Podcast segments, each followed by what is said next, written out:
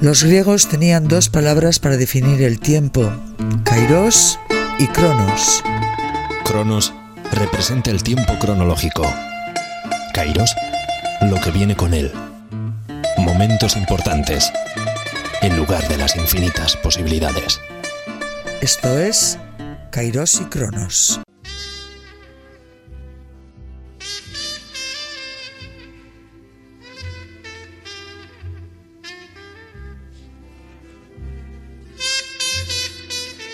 Hola, ¿qué tal? Una pintora, una gran pintora, soy nuestra protagonista, Ana María Parra Gómez.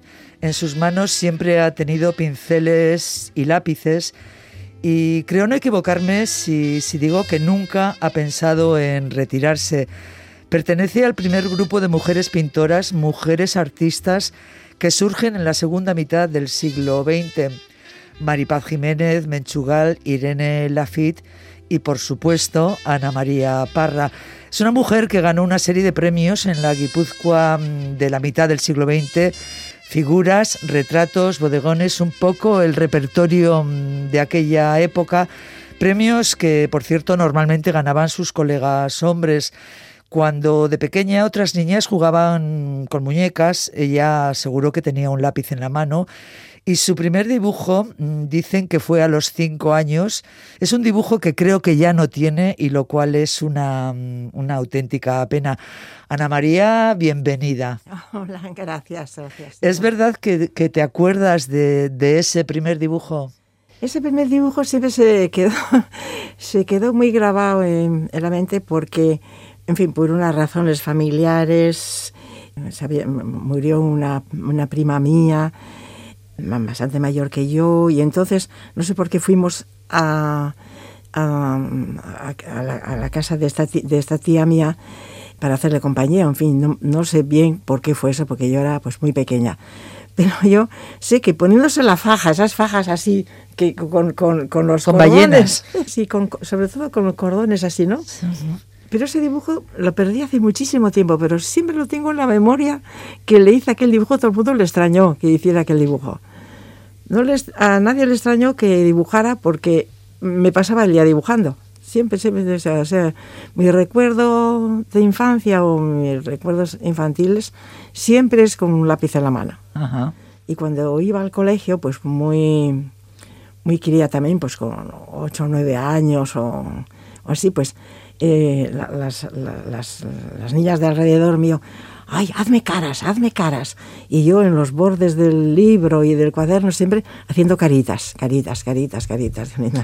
Ese dibujo se perdió, ¿no? No, no, no. Sí, no está. Ese, ese se perdió. Qué pena. Ese se perdió, una pena, pero ese Pero seguro que tiene muchos también de, de, esa época de Pues de aquella época tan, tan jovencita, yo creo que no, ya un poquito mayor, sí, ya de 14, 15 años, entonces ya sí tengo, porque yo tenía una prima, una prima por parte de, mi padre, hija de una hermana de mi padre, que era muy artista. Entonces ella eh, ya dibujaba, ya pero me llevaba muchos años de diferencia. Ella dibujaba en... E, era, era filósofa, o sea, había hecho filosofía y letras, que se llamaba así la carrera entonces, pero, pero lo que hacía era dibujar. Y tenía una amiga, muy amiga, íntima, íntima, Marisa Roset, que es una pintora, eh, fue una pintora muy famosa, con una saga de, de, pintoras de Roset. Y, se, se, da la, la, circunstancia de que la que escribía los textos en la revista Chicos y Mis Chicas y tal, unas revistas infantiles que había en aquella época, la que hacía el texto era la pintora y la filósofa era la que hacía los dibujos. La que dibujaba. Bueno, mira, los papeles invertidos. Dio vida, eh, bueno, inventó un, personaje, Tomasita, una lagarterana, Tomasita de Gonzalín, y aquello se publicaba también, y hay un libro de eso, y hacía unos crismas deliciosos que me mandaba. Y yo creo que ella me influyó mucho para, para dibujar. Yo me llevaba muchos años. Eso le iba a decir, dibujar. o sea que de alguna manera mm, hay una conexión familiar con, con el mundo de la pintura, ¿no? Sí, sí, eh, sí, con algunas personas, con algunas personas y no así directamente, pero bueno. Creo que un tío, un tío pintaba muy bien, ¿no? Sí, el tío carnal, que era hermano de mi madre, ese pintaba y dibujaba muy bien. Y tiene mucha gracia porque eh, eh, la familia hemos tenido esa sastrería, en Madrid, sastrería en San Sebastián. Y entonces él hacía los dibujos en, la- en, los, en las hojas de los calendarios. De los, de los calendarios, no, de los figurines, de los figurines. Que, so- que es un papel satinado, muy bonito y tal, ¿no? Y él allí aprovechando, y yo eso inspirándome en eso, yo también he hecho mucho y sigo haciendo. Eh, él pues cogía un dibujo que estaba pues el, el figurín, el, hombre con su, cha- con su chaqueta, con su traje, y dibujaba encima con, con, con tinta china, lo que sea, digo, ¿verdad? y hacía un dibujo basándose en aquello. Y yo lo que he hecho mucho, y sigo haciendo, es eh, esas hojas de calendario y eh, eso, que están un poco satinadas y de revistas un poco gorditas, con, con aguarrás, con aguarrás o disolvente, voy borrando y, y voy como dibujando, borrando al mismo tiempo, ¿sabes? Aprovechando los fondos y aquello, luego la- un- unos retoques encima, claro, si es una cara o lo que sea. Es- encima, yo- aprovechando, aprovechando el papel, no se tira, sí, se sí, reutiliza. y a veces pues hay unas- reciclaje. hay unas, flores de- de- de- detrás pues pues lo dejo y tal y cual y eso mm, basándome mucho en lo que hacía la- en lo que hacía mi tío y hago mucho es- ese estilo de, de cosas dibujando borrando Decía yo que, que en sus planes eh, la palabra jubilación no entra. Yo creo que una artista no, no No, se jubila, no es como un profesor o un periodista o otras profesiones que nos llega el momento en que nos, Yo nos tenemos que, que- ir marchando, pero siendo artista es imposible jubilarse. Yo creo que es muy difícil. Ya, ya hay alguno que sí, que dice se jubila. Este, por ejemplo, Oteiza decía que, que hay que trabajar 30 años. O sea, que 30 años, dijo, y una vez pasados esos 30 años, que ya no es lo mismo, que ya no te salen las cosas como son. ¿Pintas todos los días, por sí, ejemplo? pues no. Desgraciadamente no. Y tengo mi estudio en casa y me da una envidia pasar por el estudio y estar allí y no poderme meter a trabajar por falta de tiempo. por, falta, de, tiempo. No dejo de trabajar siempre, pero mm, antes siempre he tenido, porque mi especialidad principal ha sido siempre el retrato, Ajá. el retrato, porque el retrato, el retrato es una faceta que tienes que tener una predisposición para el retrato, si no, no. Eh, te voy a contar una anécdota que solía contar el que fue mi profesor, Martí Arena, Ascense Martí Arena. Don Ascenso se le acercó un día un chico y le dijo, y le dijo, "Oye, don Ascensio, yo quiero que me enseñes, me enseñe usted a hacer retratos. Y entonces él le contestó, mira, yo te puedo enseñar a pintar. ¿Hacer retratos? El de arriba. En euskera se dice mucho, ¿no? El, Dios, el de arriba. Hacer retratos, el de arriba.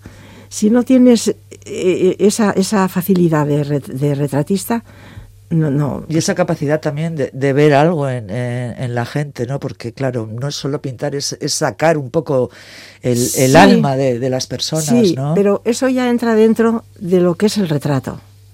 Yo me acuerdo que una vez hice un retrato de una chica, eh, hice un, un, un carboncillo, y su marido me dijo, le has sac-", porque la madre empezó, es que la ceja, no sé si tiene un poquito más bajo, y el marido, que era el director del diario vasco, no me acuerdo cómo se llamaba, y me dijo, mira, le has sacado lo que de lo que yo me enamoré, ¿eh? O sea, la expresión o lo que sea.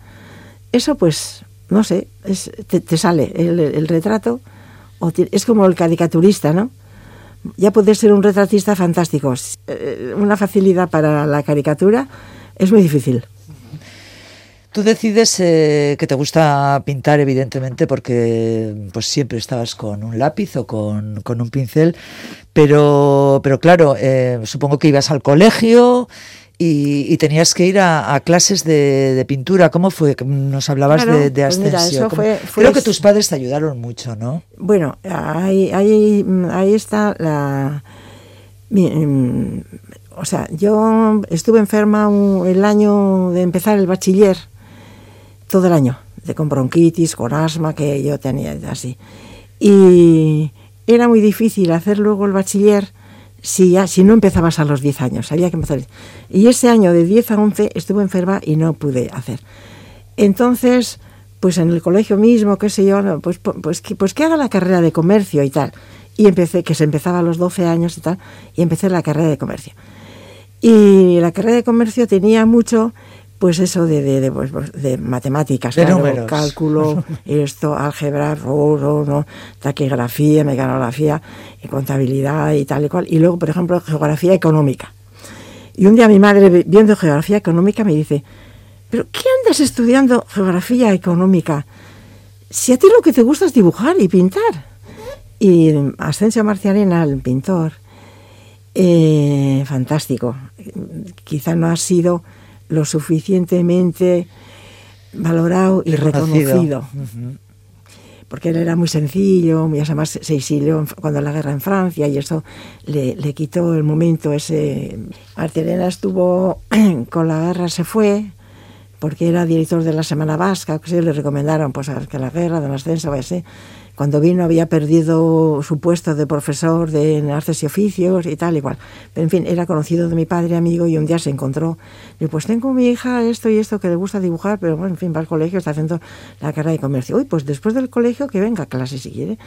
Y le dijo, ahora, si empieza, ojo, se va a envenenar, ¿eh? Y ya no hay remedio. y así fue. Y entonces empecé a ir a, a su clase que era una clase muy divertida porque era en, la calle Padre La Roca, esquina con Miracruz, una tiendita que tenía su mujer y su hija habían puesto una mercería y unas escaleritas así, pequeñitas así, y tenía como un sobre un como un sobrepiso, ¿no? De, la tienda así, con unos ventanales que daban a la calle. Y entonces ahí podíamos croquizar y todo y de la calle. Y hay un grupo, entre ellos Miguel Ángel Álvarez, y, en fin, yo, Socorro Yarzo, en fin, un grupo, pues eh, dibujábamos allí. Y la base de Martí Arena era, al principio era el dibujo, la, la, el dibujo de, las estatuas griegas, ¿no? O sea, la, las Venus, Apolos y tal, para, para hacer a carboncillo y modelar aprender a modelar y tal, y cual. Eso mucho tiempo nos tenía así.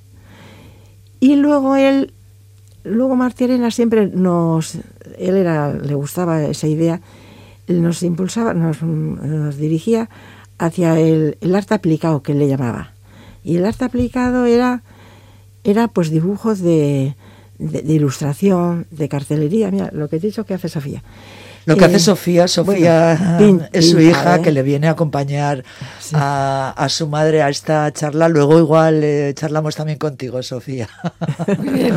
Estábamos ahí en el, en el estudio de Ascensio Martí Arena, que por cierto, el tríptico de la entrada del Teatro Victoria Eugenia es obra suya. Pues sí. Seguramente mucha gente entra al teatro y no se ha dado cuenta, pero es una auténtica maravilla. Sí, es muy bonito, que es, esto, azulejitos de colores. Eso es. Sí, es, es, es de él. Tienes razón, mira. Estábamos hablando de eso, de que, bueno, pues estaba, eh, el dibujo era la, esencia y, con él eh, empieza a pintar también con otras técnicas, claro, entonces él, él, nos tenía mucho tiempo haciendo el dibujo este para aprender modelado y todo eso, y al mismo tiempo le gustaba mucho hacer el croquis en movimiento.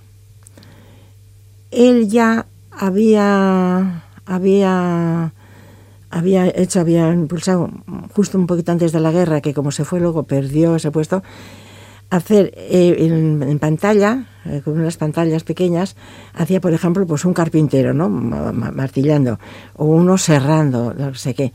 Y les tenía a los alumnos viendo un poco. Luego apagaba y tenías que dibujar de memoria aquello. El de memoria lo que habías visto así. Y a nosotros nos inculcaba mucho hacer, por ejemplo, pues veíamos una señora que iba andando entonces nos hacía hacer, a ver, esa señora, ahora esa señora que, vaya con, bastón, ahora esa señora lleva un peso en un brazo y el otro no. Y nos hacía dibujar, dibujar, dibujar desde la ventanita esa, porque le gustaba mucho eso. Y él siempre se quejaba de que había, había estudiado con un, con un maestro en Sotomayor en Madrid en sus años juveniles y, y no les dejaba nunca dibujar de memoria. Y él quería interpretar sus sueños y esto, que te soñaba mucho, quería dibujar. Y no, no les dejaba.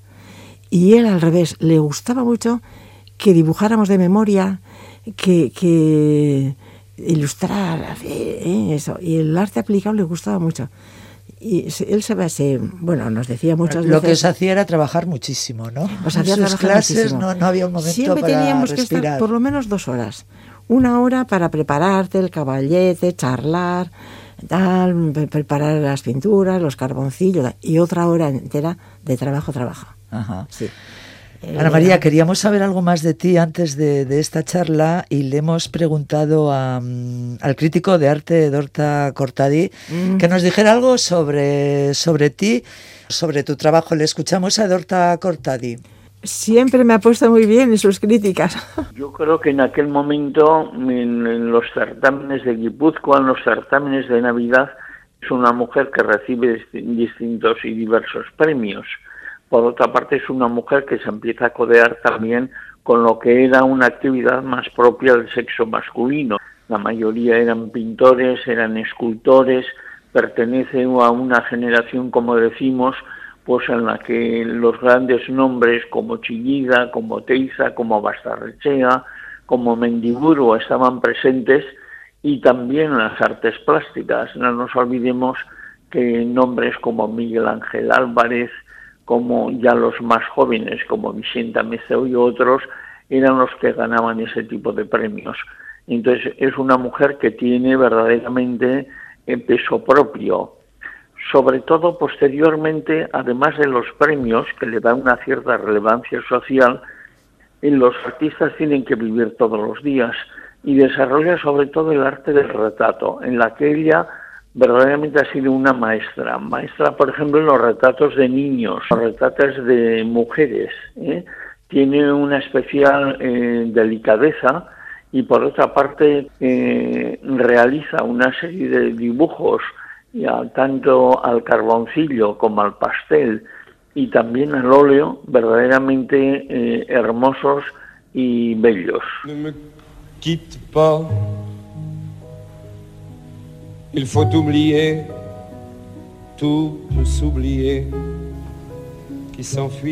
Ne me quite pas, de una de las canciones que ha elegido nuestra, nuestra invitada para, para escuchar durante esta charla, la canción del cantautor belga más conocida, la más internacional diríamos, en la que canta con rotundidad al amor o, o al desamor, ese no me dejes.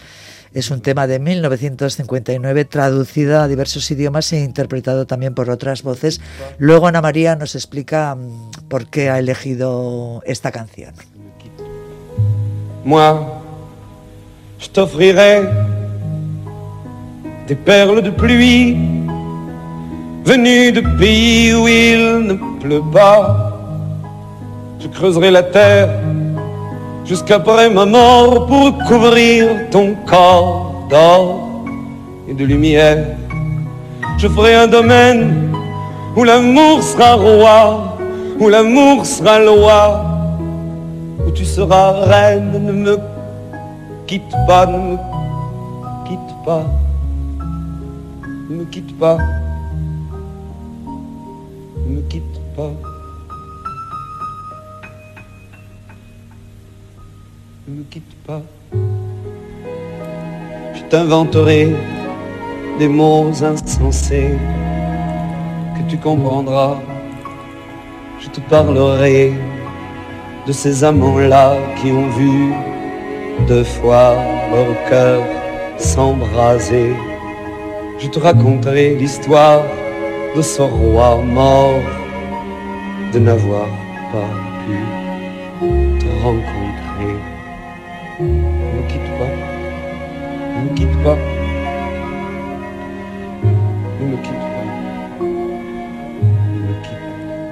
On a vu souvent rejaillir le feu de l'ancien volcan qu'on croyait trop vieux.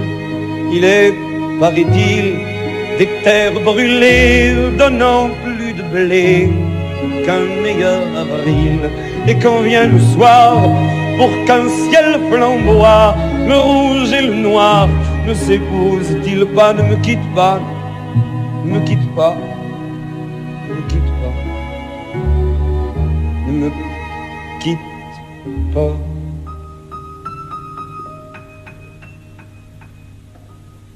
Ne quitte pas. Ana María, ¿dónde te lleva esta, esta canción? Pues mira, no sé qué dice, fíjate que eh, no me gustan las canciones francesas normalmente. Porque son muy, muy, ni las de Edith Piaf y esas, eh, to- todas son como muy cantarinas las, las francesas, muy, muy así, no me gustan. Pero esta me emociona, no sé por qué. Esta es belga. además, el- es belga. Él es belga, sí. Ah, pues mira, ahora me entero. No sabía que era belga. Y, y es distinta, no sé, me, es una canción que sí me, me ha gustado cuando la he puesto, con, eso me ha gustado. Y aunque he ido a colegio francés y el francés eh, lo he tenido bastante bien, no le entiendo la mitad, claro. No me dejes, sí, pero lo demás no.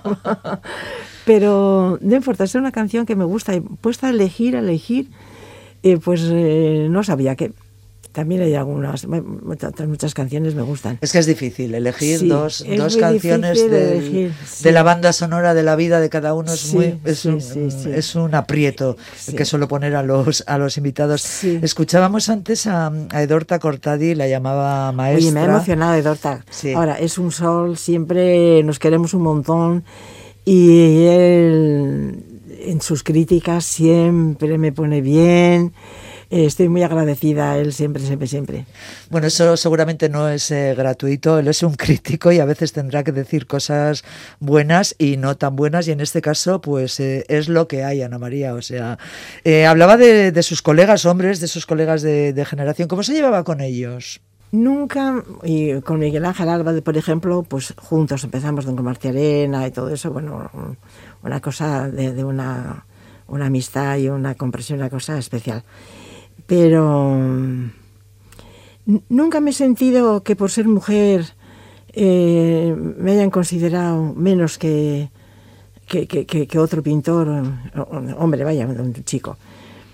Porque lo mismo en exposiciones que en críticas, que en tal y cual, nunca nos hemos sentido, y digo nos hemos porque una, hablando con Ana Izura, que es también una pi- pintora, hablábamos las dos en una entrevista que nos hicieron y también comentábamos eso, que nunca nos habíamos sentido diferentes por ser pintoras mujeres y que tampoco nos habían tratado diferente, pues eso, críticos o, o, em, pues, pues, pues, eh, periodistas o entrevistas. Igual la rareza se veía más desde fuera que, de- que desde dentro, ¿no? Desde no sé, los que estáis nunca nos hemos considerado en el pintura buena, pintura mala, ya está. Lo que, lo que está claro es que eras- erais muchísimo, muchísimas menos, ¿no? Sí, sí. Mujeres menos, hombre, mujeres menos, no creas, yo no sé qué decirte. Lo que pasa a través de la historia, sí, porque claro, eh, la mujer siempre en casa, de esto, la- la- la- la- la- tenía muchos hijos, las labores, tal, tal, tal, tal, tal, tal, ¿no? Siempre los hombres, los grandes, las grandes óleos, las grandes pinturas eh, bélicas y, y mitológicas y religiosas, to- todas esas cosas. Pero luego llega el impresionismo. Ya en el impresionismo ya se hace la pintura más íntima, más casera, más, más fácil, ¿no? Más asequible. Y entonces hay unas pintoras impresionistas igual, igual de buenas o mejores que los hombres. Y yo creo que estaban ya bien consideradas. Ana María, ya como muchos otros artistas, eh, te vas a París a, estudiar. Yo no sé si eso fue Sí. también una recomendación de Ascensio de Martí Arena. pero lo de París no, no es como parece. Porque yo fui a París eh, no en plan de ir a una academia y eso. Fui a París a estudiar un poco el impresionismo, a verlo en el Jeu de Paume, en el, en el museo, empaparme del impresionismo, que era lo que a mí, por donde tiraba un poco yo, sobre todo con el paisaje y esas cosas, ¿no? y para estudiar bien. Y me acuerdo que fui, fui con mi padre, además, que él conocía muy bien París, y fuimos, y el primer día nos acercamos al museo, y muy bien, vimos un poquito por encima, nada, y había un cartel enorme que explicaba la técnica del impresionismo, el, el, punteado, el esto, todo, todo, todo. Y ya me dijo mi padre, mira, mira. Y él se iba, porque él estuvo pocos días. Me, quería enseñar París, pues rincones y cosas que él conocía. Como te vas a quedar aquí dos meses tú sola, pues ya vendrás. Se fue un 1 de noviembre. Le acompañé a la estación, una estación horrible, larga, larga, y se fue. Yo me fui sola, sola, tal. Y dije, bueno, pues ahora me voy a Sedemo. Voy cerrado. Los dos meses que estuve allí no pude ir al museo. ¿Y qué pasaba? Estaba cerrado por obras o no sé qué. Únicamente pude ver una exposición de Picasso que le hicieron aparte recogiendo cosas así y no pude ver nada del impresionismo. la rabia. ¿Y coincidió, coincidiste allí con, con otros, o tuviste la oportunidad de conocer a otros artistas o no? ¿Tú ibas a hacer algo muy concreto que, que, no lo pudiste hacer? No, yo, yo, yo sola cogía el caballete, y me, iba a, las, a los quesos, o sea, donde río, allí a, a empezar alguna cosa. No pinté mucho. Eh, me acuerdo que una vez se me acercó un, la persona y me dijo, a ver si me invitaba a que me cogiera unas fotos, que sí, que, que tenía aspecto de griega, me dijo, y, y que, que, iban a sacar en una revista de Grecia que me iban a poner en la portada y no sé qué, pero nunca me, me mandaron nada, ni nada, ni nada. Igual hay en alguna revista en, Grecia en la, que, está Ana María de joven pintando, pintando en París. Y luego pues allí en el, fui a una academia, porque a mí siempre me ha gustado mucho, me ha, me ha gustar mucho los dibujos de, de, modas. De moda. Claro, había un, un, artista en el Vogue y esas revistas buenas que se, se llamaba Grau, Grau, Grau, Grau, y hacía una G así muy bonita y hacía unos dibujos, unos figurines maravillosos. Y, y, por aquello, pues a mí me gustaba aquello, ¿no? Y entonces en París fui a una academia de que era de desnudo, pero con posturas de figurín, ¿no? Pero yo como ya había dibujado algo y le enseñé a la profesora, y me dijo, pues usted ya sabe esto, si usted ya ha hecho esto antes que este, y me desilusionó. Y entonces ya, pues no fui.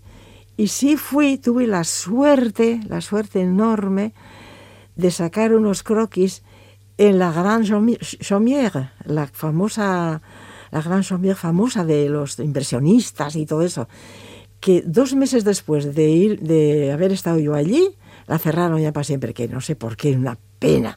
Era, era ideal, porque era en redondo, todo en redondo como, como, un circo en redondo, pero pequeña, pequeñita, pequeña. Y en el medio estaba la modelo y el modelo, porque un hombre también, eh, la modelo en el medio, con una estufita, de esas estufitas negras así, chubesques que se llaman, con el tubo arriba y que te calentaban así. Y la pobre, pues era en invierno, yo había ido de octubre a, a Navidades. Y posaba allí la postura que ya se ponía y siempre había, y había gente alrededor pues dibujando no había profesor ni nada, ¿eh? simplemente dibujar. Y a, alguien decía Sánchez, o sea, cambiar de postura, y cada vez cambiaba de postura.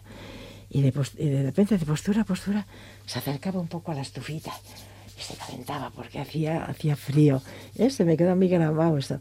Y claro, luego quitaron esa, ese sitio y pensé yo, he tenido suerte porque en cualquier, en cualquier biografía de, de, de los impresionistas, siempre hablan de la Gran el museo no, pudo visitarlo, ¿eh? pero tuviste, tuviste esa suerte. ¿Sabas de menos eh, San Sebastián? Bueno, yo ya tenía novio entonces y todo, nos escribíamos constantemente y no me dio tiempo. Lo que pasa es que me desilusioné mucho con París, con París, porque claro, yo estaba en una pensión horrible, espantosamente horrible, eh, cerca de Bois de Boulogne, así un poquito lejos de París.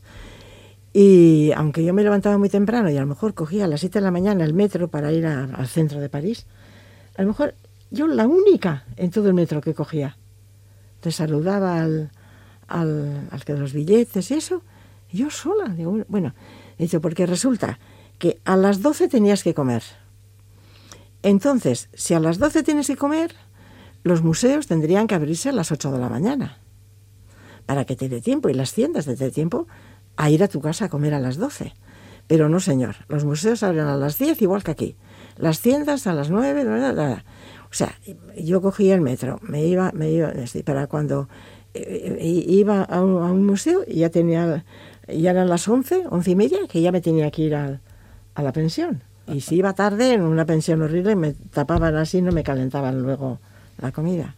Nos dice Ana María que ya tenía novio, eh, se enamoró, se casó, tuvo cinco hijos e hijas, cuatro hijas y un hijo. Eh, algunos han seguido su estela, pero vamos a poner este momento romántico.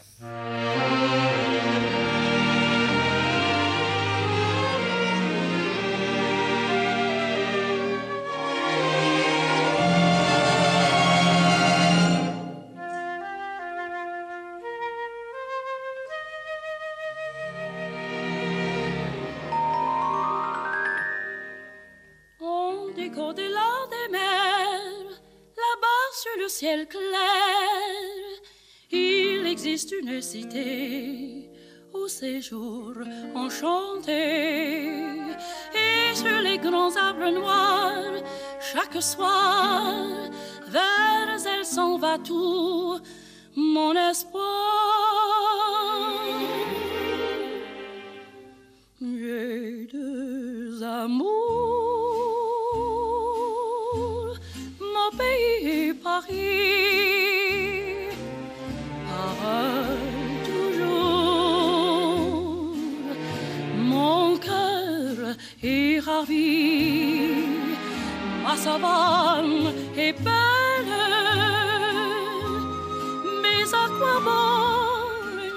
Es Josephine Baker, queríamos escuchar otra canción, queríamos escuchar la canción Enamorada, que la canta en castellano, pero pero me he equivocado y qué casualidad he puesto una canción en francés que a Ana María no le gustan mucho las canciones en francés, pero... No es la clásica canción francesa que no me gusta. Eso es, es la voz de la artista estadounidense que triunfó en Francia bailando al ritmo del Charleston. Ana María, antes hablábamos de que como, como muchos artistas, eh, para vivir eh, había que, que trabajar y la pintura para, para ti era un trabajo.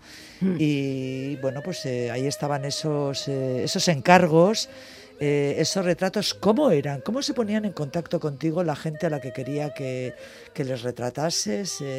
¿cómo, ¿cómo, funcionaba aquello? Pues la verdad, no, no sé, siempre...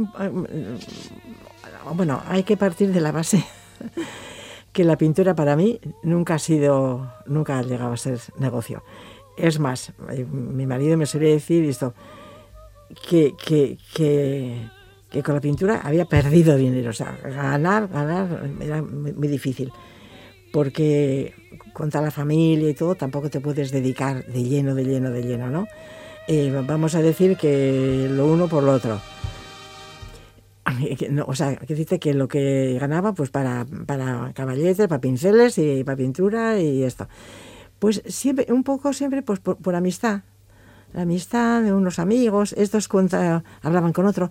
Y también en exposiciones, como yo en exposiciones que he hecho, llevaba retratos, pues a lo mejor la de la sala me decía, oye, pues me han pedido un retrato de este estilo, de esto, del otro, ah, pues sí, y ya me ponía de acuerdo, y eso pues para hacer He hecho retratos de hombres, ¿Ah, cantidad, pero muchísimo.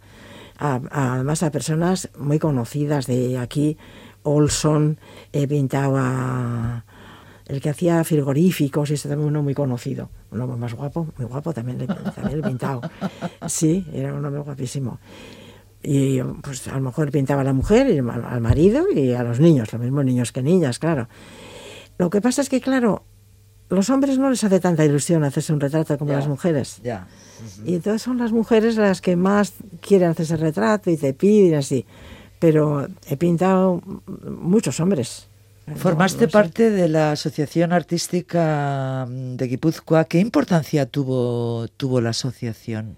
Pues mira, la Asociación Artística de Guipúzcoa se fundó, se fundó pensando en que los pintores andaban un poco cada uno por su lado.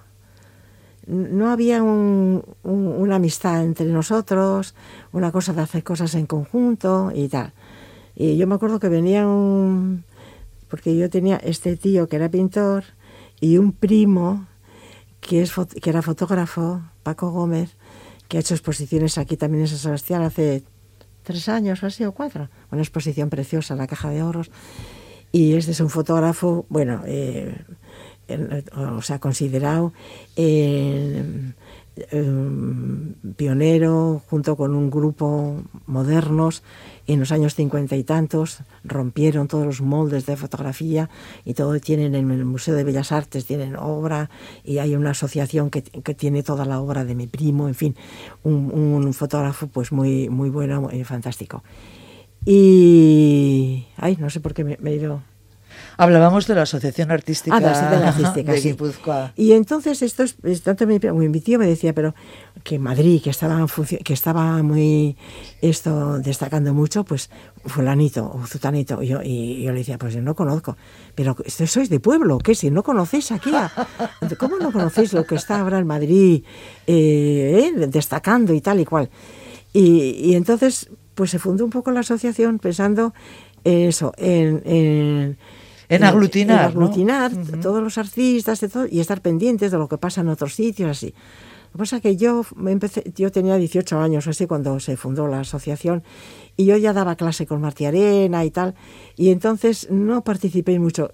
Sofía participó más en las en las en las clases de, de, de croquis y de desnudo. Sofía, que creo que era- Sí. eres la presidenta o has sido, o has sido la sí. presidenta, ¿no? Ahora es la presidenta. Bueno, pues casualmente en febrero del año pasado, eh, pues bueno, como ocurre en casi todas las asociaciones los últimos años, cuesta que salga gente que quiera un poco asumir esos cargos de, de- para estar en la junta y llevar adelante el tema. Y pues no sé, yo no tenía ninguna intención de ser, pero estaba en la asamblea y de alguna manera acabé siendo. Ha sido un año muy raro y con, los, con la pandemia, con los confinamientos, con todas las restricciones, pues bueno, no todavía puedo hablar mucho de una trayectoria ni, ni, ni de proyectos en los que estemos involucrados, ¿no? Pero sin Eh, embargo, pero, antes señor, hablabas de, eh, de que la base de- del dibujo es eh, el cuerpo humano, el desnudo, es en, el- en uno de los pocos sitios donde, donde Eso se es. puede dibujar un Eso desnudo, es, ¿no? sí. La. Asociación Artística mantiene desde el principio al menos esa mm, eh, ofrecer a la gente un sitio libre para ir a dibujar, donde se puede dibujar desnudo, tanto masculino como femenino. eh, y también es un espacio que si tú en tu casa no tienes sitio para dibujar o pintar, puedes aprovechar las instalaciones, los locales. Luego hay cursillos, como ocurren en otros sitios, pero no es un sitio en el que se dedique solo a cursillos, sino es esa asociación, esa, eh, ese sitio donde te puedes juntar con la gente que tiene las mismas aficiones y De de, hecho en el local siempre hay alguien. Y, De donde pueden salir exposiciones en salen exposiciones, salen eventos. Últimamente estamos intentando también hacer más cosas con grupos eh, de la provincia que normalmente tienen menos acceso directo a los locales de San Sebastián, eh, intercambios y bueno, pues ahí intentando mantener ese espíritu para fomentar el arte, seguir con la cultura y, sobre todo conocernos y hacer cosas en común. Hablábamos de exposiciones, Ana María, tú has hecho muchísimas exposiciones individuales y, y colectivas.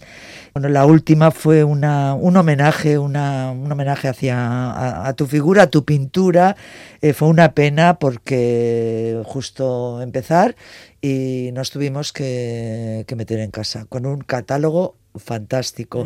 Eh, Ay. te sentiste bien, ¿no? Cuando, Sí. cuando te propusieron mal esta que se, sí, esa mira fue Montserrat Fornels la que se con la que tengo mucha amistad porque ella ha sido presidenta de la Asociación Amigos del Museo y como yo también he pertenecido De San Telmo. eh, pe- pertenezco a esa a la Asociación Amigos del Museo, que somos amigos del museo, pero parece que el museo nos tiene como enemigos. Pues es- Vaya. donamos todos los años una obra de un, de un pintor o de un escultor al que se le paga además y tenemos una cuota muy baja los amigos del museo a pesar de todo y regalamos al museo y el museo no lo cuelga.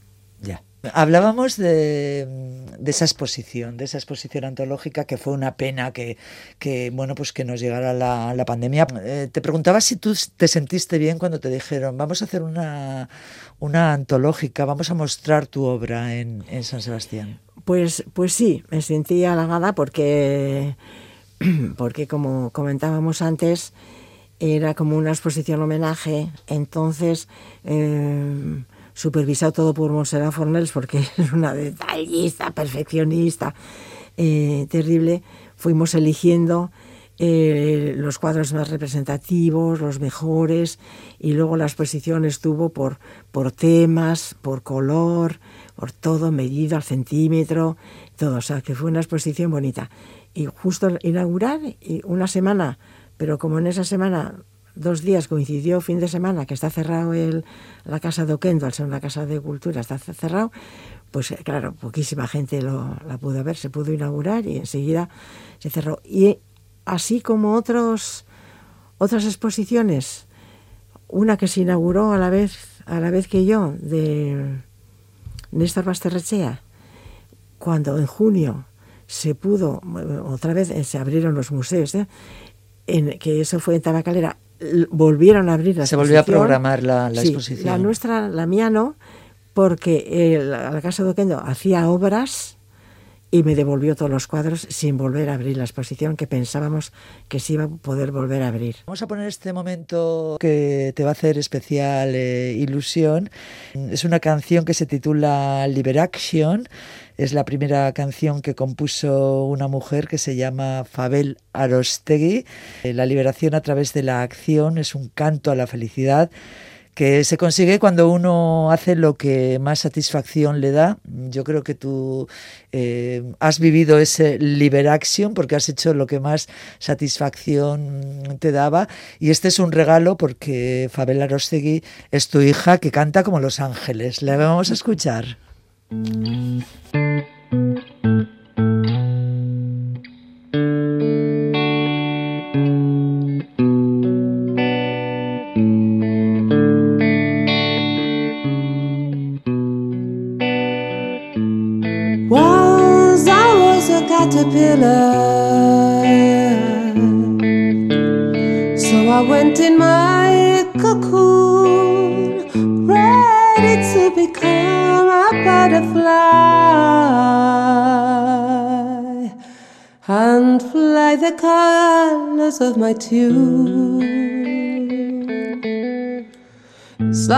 like a warm breeze in June. Was I was an glitter clean. So I went to my lagoon, ready to become a black swan and fly the colors of my tune. It's like a warm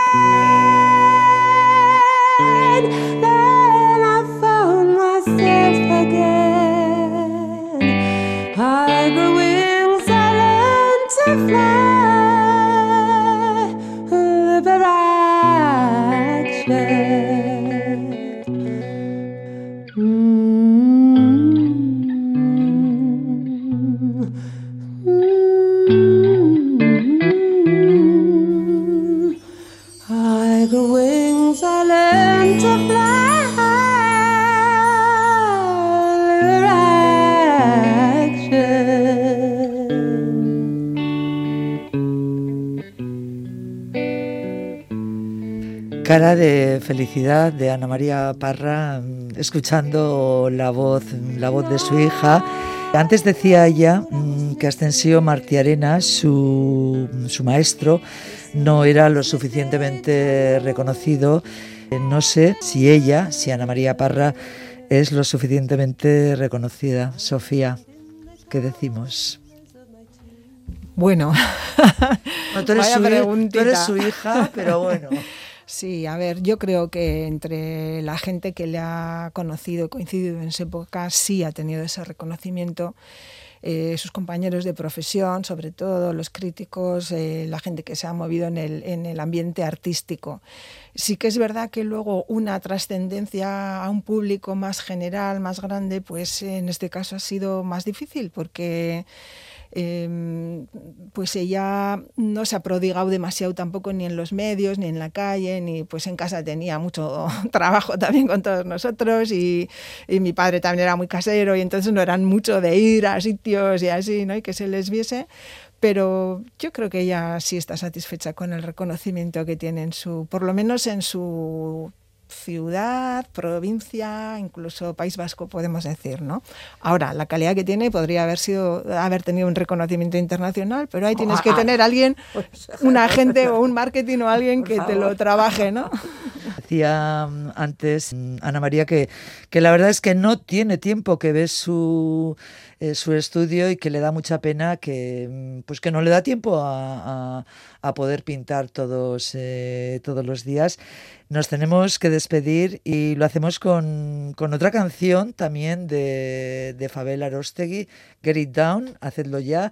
Es una canción inspirada en- al escuchar eh, las palabras del antropólogo indio Arjun Napaduría al dirigirse a los delegados de la conferencia de Dubái de 2011 contra el cambio climático. Una, mm, una petición para dejar un mundo mejor mm, con ese hermoso mensaje y con un dejar un mundo mejor también lleno de arte. Os doy las gracias por, mm, por, eh, porque hayáis estado aquí compartiendo este rato. Ana María ha sido un auténtico placer y espero que esa, que esa exposición eh, se pueda retomar y todos disfrutemos de ella. Muy bien, gracias. Zuri. Gracias.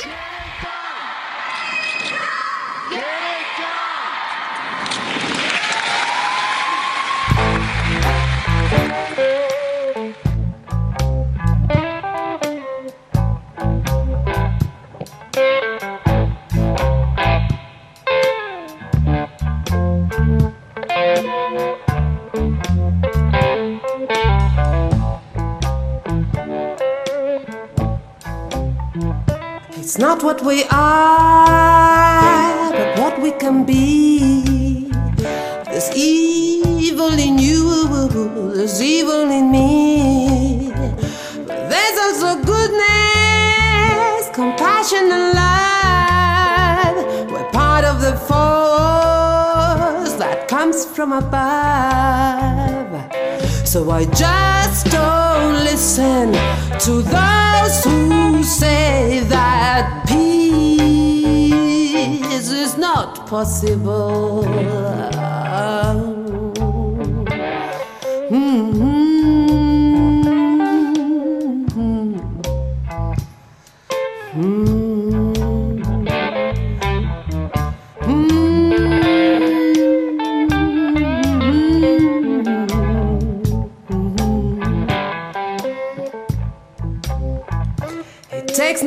90 seconds for anger to pass. The rest is a story, so we can relax. Remember, we're all one, and each must be well. We might have our problems, but their life is hell.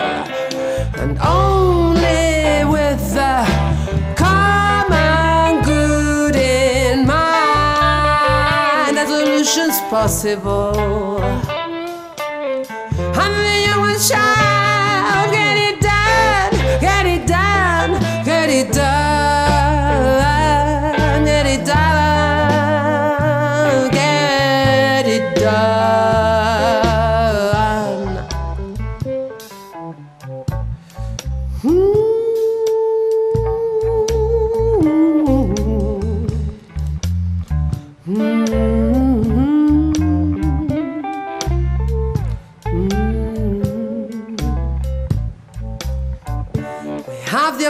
Opportunity, the motive and means. We're not doomed to failure, it's not in our genes. So why not demand it from all those in power? For we can't delay it, for this is the hour.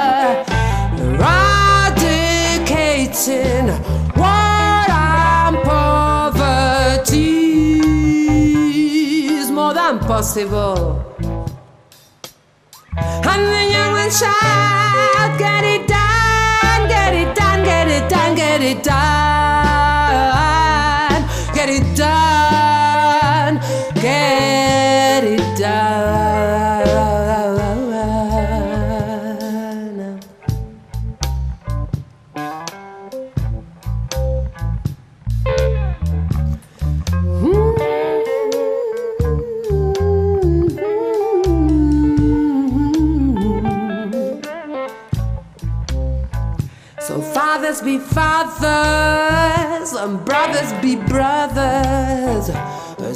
Be sisters, and mothers be mothers. The children are waiting for us to protect them, to give them security, to love and respect them, and their happiness will create the bliss I know is more than possible. deixar.